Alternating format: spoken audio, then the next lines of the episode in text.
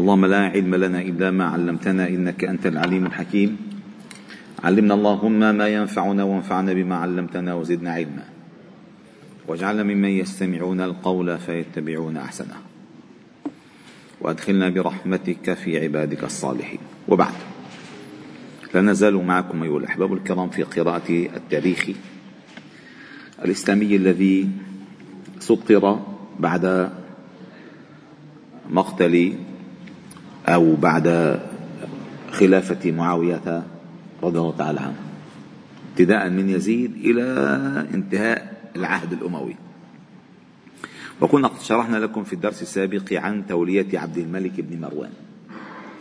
بعد وفاة مروان بن الحكم أبيه بعدما حكم زهاء سنة زهاء سنة كاملة فقرر عبد الملك وكان فقيها وكان فقيها عالما ترك انطال على السلطة والسلطة تحتاج أبجديات أخرى.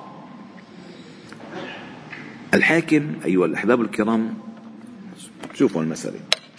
الحاكم كي ينجح في حكمه ينبغي أن يكون عن يمينه عالم وفقيه.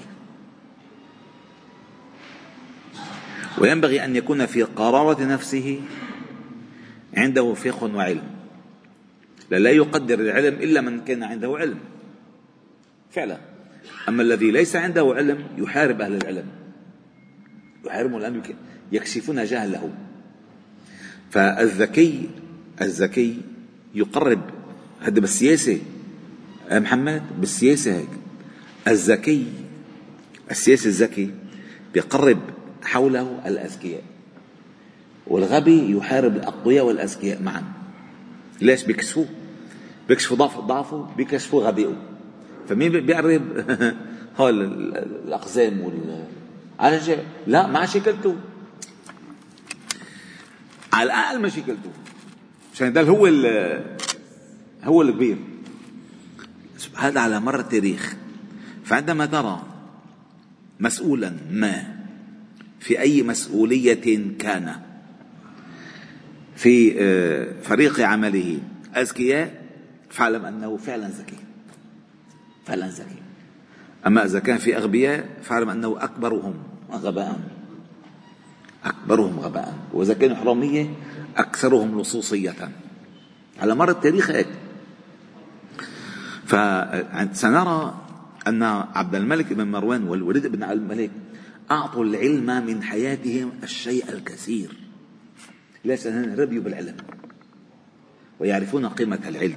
هلا بتقول لي ما هجاه الجيش وغسل الكعبة وقصف بالمنجنيق. لأن قال له للحجاج كما سيأتي افعل ما ترى. افعل ما ترى افعلوا. ما قال له اقصف الكعبة بس قال له افعل ما ترى.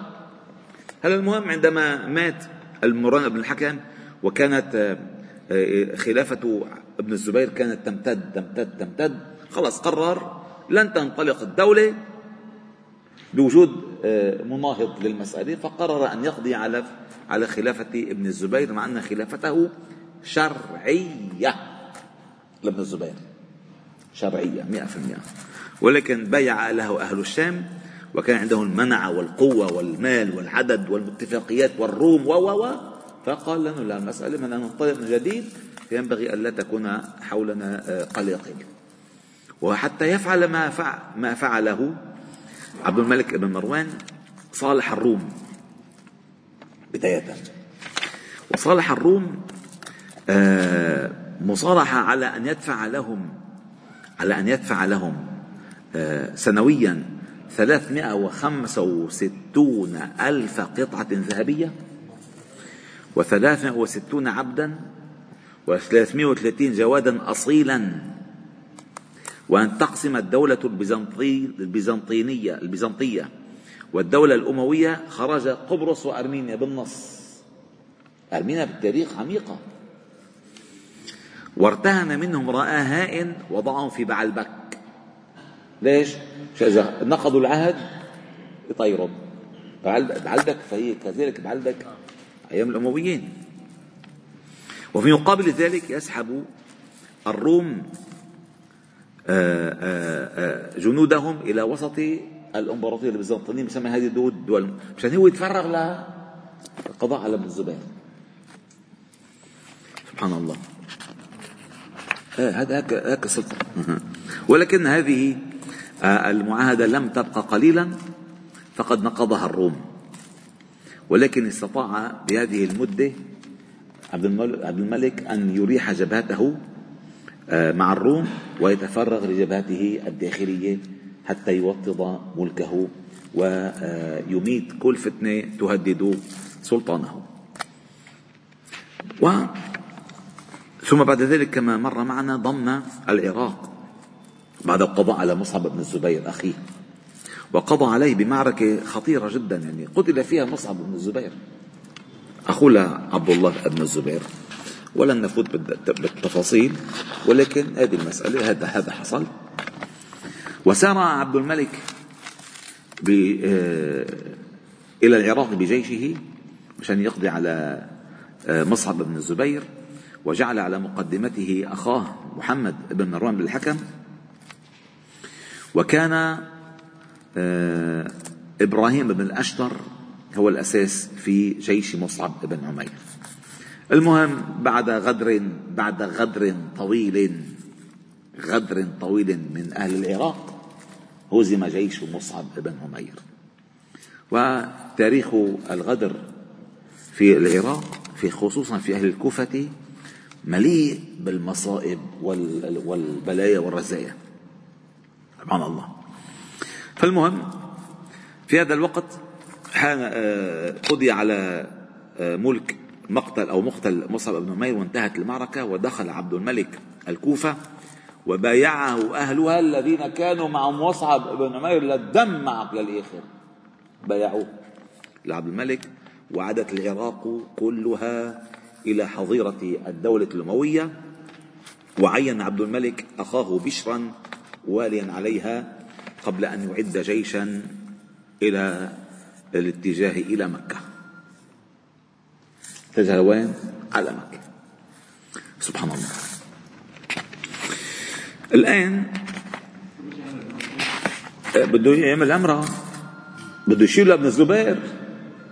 بده يشيل لابن الزبير. ما بده الزبير حكم حكم ثمان سنوات. لا مصعب مصعب أخوه. مصعب كان في العراق لأن بيعه أهل العراق لابن الزبير. بايعته مصر واليمن وجزء من الشام. بهالفترة مروان بالحكم أو فترة قبل ما يستلم مروان بالحكم لما ست أشهر بلا خليفة بيعوه بيعه الكل. فلما طلع مروان بالحكم ما قدر يقضي ولكن عبد الملك كمل على الموضوع. فلما قضي على مصعب بن الزبير توجه الجيش إلى مكة حتى آه، يطفئ يطفئ آه، شرارة عبد الله بن الزبير. فأول حملة أول حملة أرسلها هي حملة حبيش بن دلج القيني ولكن حملة حبيش هزمت. ما استطاع أن يقضي أو أن يلج مكة. فاتفق جيش ابن الزبير قد طوقوه وقضوا عليه. الحملة الثانية حملة ثانية كذلك آه، أرسلها عليهم وجعل على هذا الجيش كبار القادة. كبار القادة ووقع الخيار لقيادة الجيش الأمويين إلى مكة على الحجاج ابن يوسف الثقفي ب 68 الحجاج ابن يوسف الثقفي فتوجه بجيشه إلى الحجاز واستمر بالطائف وبدأ يرسل الفرق العسكرية ويبدأ المناوشات ويقتتلون وتعود كل فرقة إلى معسكرها. وبدأ الحصار الاقتصادي الذي طال أكثر من سنة. تعرفوا هناك ما في موارد. بمكة ما في موارد أبدا. ما في موارد أبدا. لأن هن رحلتي الشتاء والصيف. ما في ممنوع تفوت ما بياكلوا. ما بينزل شيء عندهم أصلا. لا بينزل شوك بس شوك. بواد غير ذي زرع واد غير ذي زرع. حتى التربة عندهم منها صالحة. سبحان الله محروقة حرق بدي الصخر أسود. سبحان الله. وأنهك ابن الزبير بالحصار. وقام بعض الحج وقام آه، الحجاج بفرض الحصار الاقتصادي على مكة. وساهم هذا الحصار بفت عضد من كان حول ابن الزبير. سبحان الله. وبدأ التخاذل يدب بين أنصار ابن الزبير وبدأوا ينسحبون واحدا تلو الآخر وما شجع على ذلك أن الحجاج أعطى الأمان لكل من يكف القتال وينسحب إلى من جيش ابن الزبير. بدنا ناكل. تركوا ابن الزبير من حوله وراحوا ثم بدأ بنصب المنجنيق على جبال مكة ليقصف مكة بالمنجنيق وتوافق قصف أول قصف في دخول الحج سبحان الله توافق أول قصف من الحجاج بوصول الحجاج إلى مكة. توافق أول قصف الحجاج ابن يوسف على مكة بوصول الحجاج إلى مكة. فأرسل ابن عمر له أنه لا يجوز لك ذلك في رسالة قال له كتب ابن عمر إلى الحجاج يقول له اتق الله فإنك في شهر حرام وبلد حرام وقد قدمت وفود الله من أقطار الأرض ليؤدوا فرض الحج ويزدادوا خيرا. فأرسل الحجاج إلى قائد جيشه فوق أن يكف عن استعمال المنجنيق حتى ينتهي موسم الحج. فعندما انتهى موسم الحج نادى الحجاج في الناس بالانصراف إلى البلاد يلا. كيف بيرحلون يلا يلا يلا. مدينة الحجاج على البيوت. فنادى بانصراف الحج وأن القتال سيستأنف ضد ابن الزبير. وعندما حصل ذلك حاول بعض من كان مع ابن الزبير أن يقنعوه بأن يقبل الأمان من الحجاج. لأن الحجاج أعطاه فرصة. قال له بتسلم تسلم. بتقاتل تقتل. بتسلم تسلم. فتقاتل تقتل. ولكن ابن الزبير لم يرضى أن يسلم. وعندما انتهى موسم الحج وعاد الناس إلى بلادهم بدأ ابن الحجاج بضرب مكة بالحجارة بالمجانيق الحجارة يعني. وشدد على ابن الزبير. ثم بعد ذلك أخطر شيء حصل مع ابن الزبير. أخطر شيء أن ابنيه حمزة وخبيب وخبيب تركاه وذهبا إلى الحجاج. فلما رأى ذلك دخل على أمه أسماء بنت أبي بكر وقال لها اسمعوا أيها الأحباب الكرام شوفوا هالتربية وشوفوا هالأم. قال لها يا أماه خذلني الناس حتى ولدي وأهلي فلم يبق معي إلا اليسير. ممن ليس عنده من الدفع أكثر من صبر ساعة. يعني بالطريقة الصينية تخلص ما يكمل. والقوم يعطونني من ما أردت من الدنيا. فما رأيك يا أماه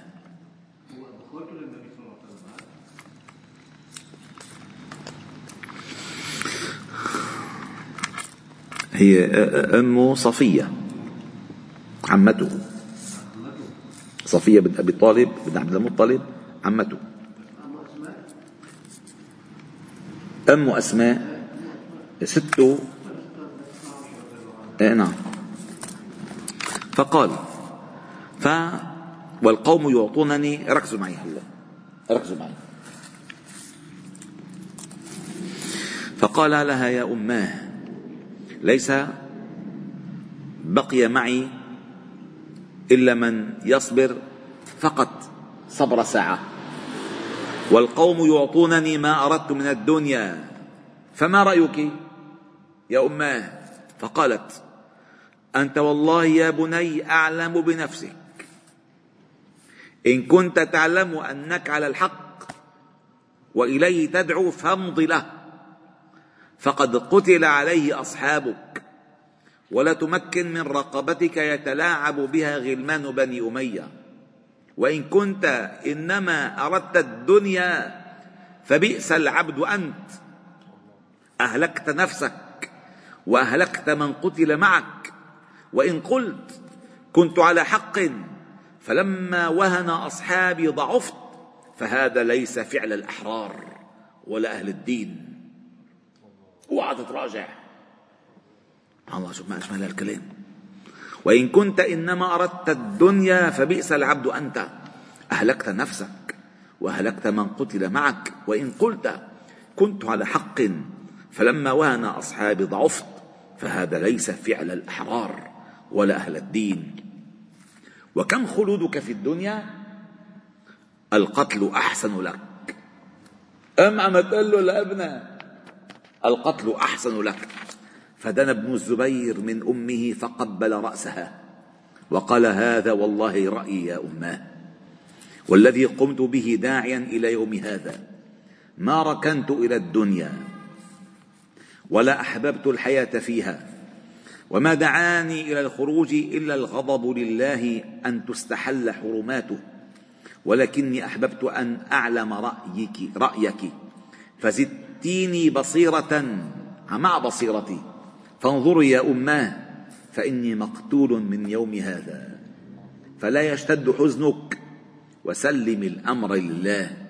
فإن ابنك لم يتعمد منكرا ولم يعمل بفاحشة ولم يجر في حكمه ولم يغدر في أمان ولم يتعمد ظلم مسلم ولا معاهد ولم يبلغني ظلم عن عمالي إلا أنكرته.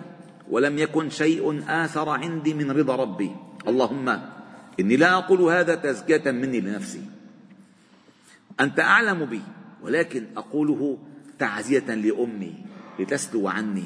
فقالت أماه أمه إني لأرجو من الله أن يكون عزائي فيك حسنا إن تقدمتني إلى الموت. إن وإن تقدمتك ففي نفسي. أخرج حتى أنظر إلى ما يصير أمرك. قال جزاك الله خيرا يا أماه فلا تدع الدعاء لي قبل وبعد. فقالت لا أدعه لك أبدا. فمن قتل على باطل فقد قتلت أنت على الحق. ثم قالت اللهم ارحم طول ذلك القيام في الليل الطويل وذلك النحيب والظمأ في هواجر المدينة ومكة وبره بأبيه وبي. اللهم قد سلمته لأمرك فيك لأمرك فيه. ورضيت بما قضيت فأثبني في عبد الله ثواب الصابرين الشاكرين. شوف شوف القوة دي. فتناول يدها فقبلها فقالت هذا وداع فلا تب فلا تبعد. يعني هذا آخر مرة. بتبوس إيدي.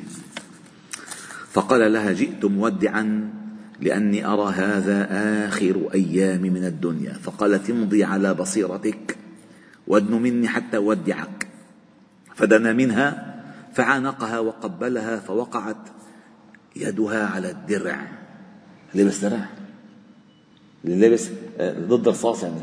مثل هلا ضد الرصاص فوقعت لأن هي كانت عمية هي كانت آخر حياتها عمية فما شاف شو لابس فلما عم تضمه هيك لا. لابس درع. فوقعت يدها على الدرع. فقالت هذا صنيع من يريد ما تريد. رايح تموت ولابس درع هذا صنيع من يريد ما تريد. فقال يا أمة ما لبسته إلا لأشد منك. بس مش تطمن علي. قالت إنه لا يشد مني. فنزعها. نزع درعه. ثم أدرج كمي كميه وشد أسفل قميصه وجبة خز تحت القميص. فأدخل أسفلها في المنطقة وأمه تقول يا بني البس ثيابك مشمرة. بس ثياب هذا ثم انصرف ابن الزبير وهو يقول إني إذا أعرف يومي أصبر وإنما يعرف يومه الحر. فسمعت والدته قوله فقالت تصبر والله إن شاء الله أبوك أبو بكر والزبير وأمك صفية بنت عبد المطلب. سبحان الله. لأن مرته للزبير سبحان الله. لأن مرته للزبير هو أخذ اثنين. سبحان الله. فقال فهذا الثبات العجيب العجيب اللي وصل منه طبيعي.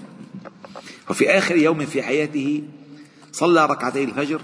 ثم تقدم وأقام المؤذن فصلى بأصحابه وقرأ سورة القلم حرفا حرفا ثم سلم ثم قام فحمد الله وأثنى عليه ثم خطب خطبة بليغة جاء فيها ألا فلا يرعكم وقع وقع السيوف فإني لم أحضر موطنا قط إلا ارتفثت فيه من القتل يعني إلا الله أرجين القتل قدامي وما أجد من أدواء أي جمع داء جراحها أشد مما أجد من ألم وقعها.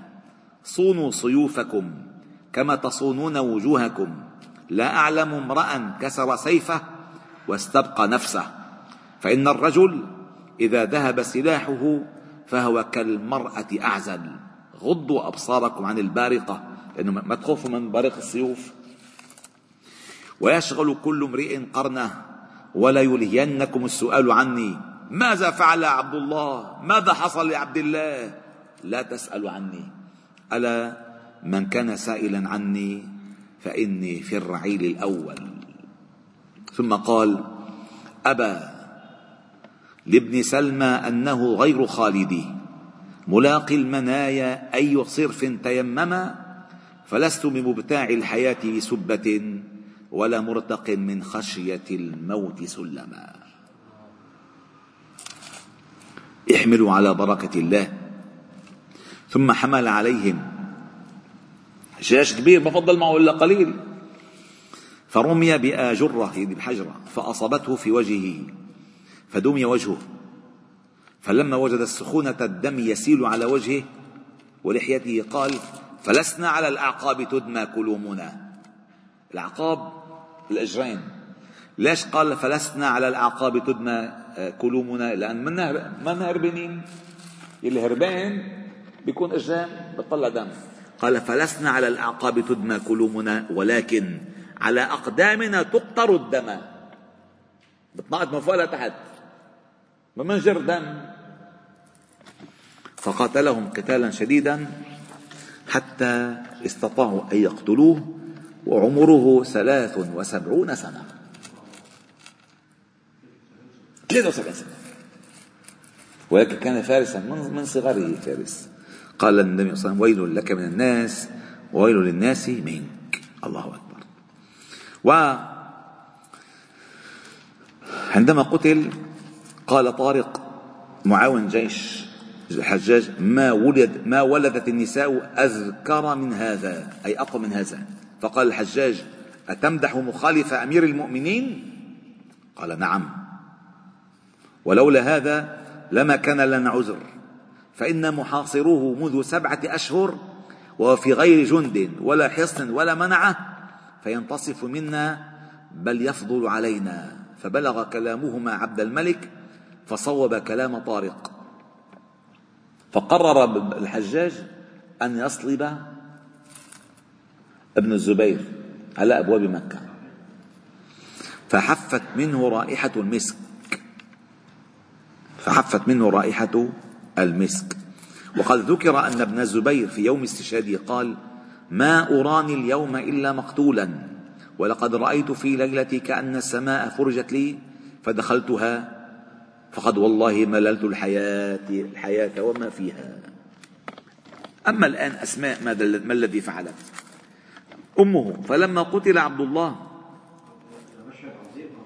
إيه خرجت عليه أمه ووقفت عليه وهي على الدابة فأقبل عليها الحجاج في أصحابه فسأل عنها فأخبر بها. ما بيعرف قبل هلا هو؟ فأقبل حتى وقف عليها فقال كيف رأيت نصر الله الحق؟ فقالت ربما أديل الباطل على الحق. يعني كانت جولة للباطل الحق. وإنك بين فروش فروشها والجية يعني مثل كان مسبه فقال إن ابنك ألحد في هذا البيت. والله تعالى يقول ومن يرد فيه بإلحاد بظلم نذقه من عذاب أليم. وقد أذاقه الله العذاب الأليم. قالت له كذبت. إنه أول مولود في الإسلام. وسر به النبي صلى الله عليه وسلم وحنكه بيده. وكبر المسلمون يومئذ حتى ارتجت المدينة فرحا به. وقد فرحت أنت وأصحابك اليوم بمقتله. فمن كان فرح يومئذ خير منك ومن أصحابك؟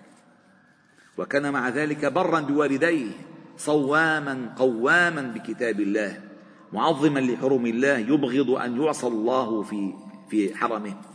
وقد دافعت عن ابنها دفاعا مجيدا فانكسر الحجاج وانصرف مذءوما مدحورا. فكتب إليه عبد الملك ووبخه وقال له ما لك ولابنة الرجل الصالح أبي بكر؟ كيف تتجرأ عليها؟ ومر ابن عمر ومر ابن عمر على ابن الزبير بعدما صلب فقال السلام عليك يا أبا خبيب. السلام عليك يا أبا خبيب. السلام عليك يا أبا خبيب. أما والله لقد كنت أنهاك عن هذا. أما والله لقد كنت أنهاك عن هذا. أما والله إن كنت ما علمت إن كنت ما علمتك إلا صواما قواما. أما والله لأمة أنت شرها هي خير أمة. ثم نفذ عبد الله فبلغ الحجاج وقوف ابن عمر عليه فأرسل إليه فأنزله عن مصلوبه. سبحان الله. يا لطيف يا لطيف يا لطيف يا لطيف.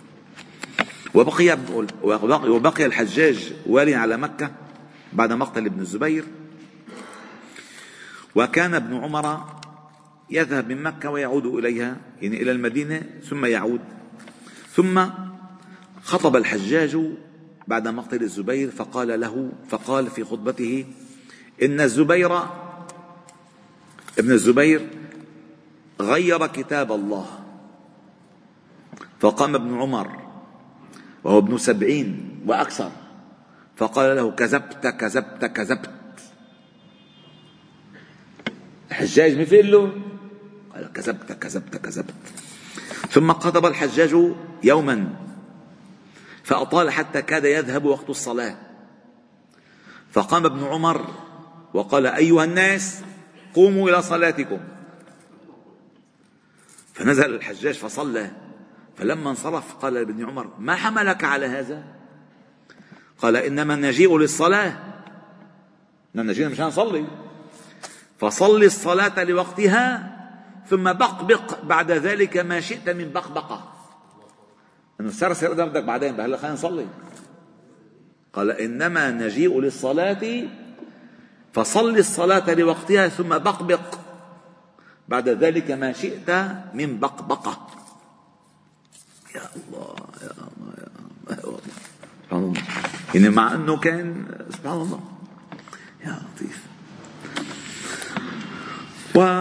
والحمد لله رب العالمين سبحانه وبحمدك نشهد أن لا إله إلا أنت نستغفرك ونتوب إليك وصلي وسلم وبارك على محمد وعلى آله وأصحابه إن شاء الله تعالى الدرس القادم ما بكرة يعني الجمعة نتحدث عن ابن عمر يعني نتعلم سيرة ابن عمر لأن ابن عمر لما رضى عنه يعني عاصر النبي صلى الله عليه وسلم وأبو بكر وعمر وعثمان وعلي والحسن ومعاوية ويزيد ومعاوية بن يزيد ومروان بن الحكم والملك بن مروان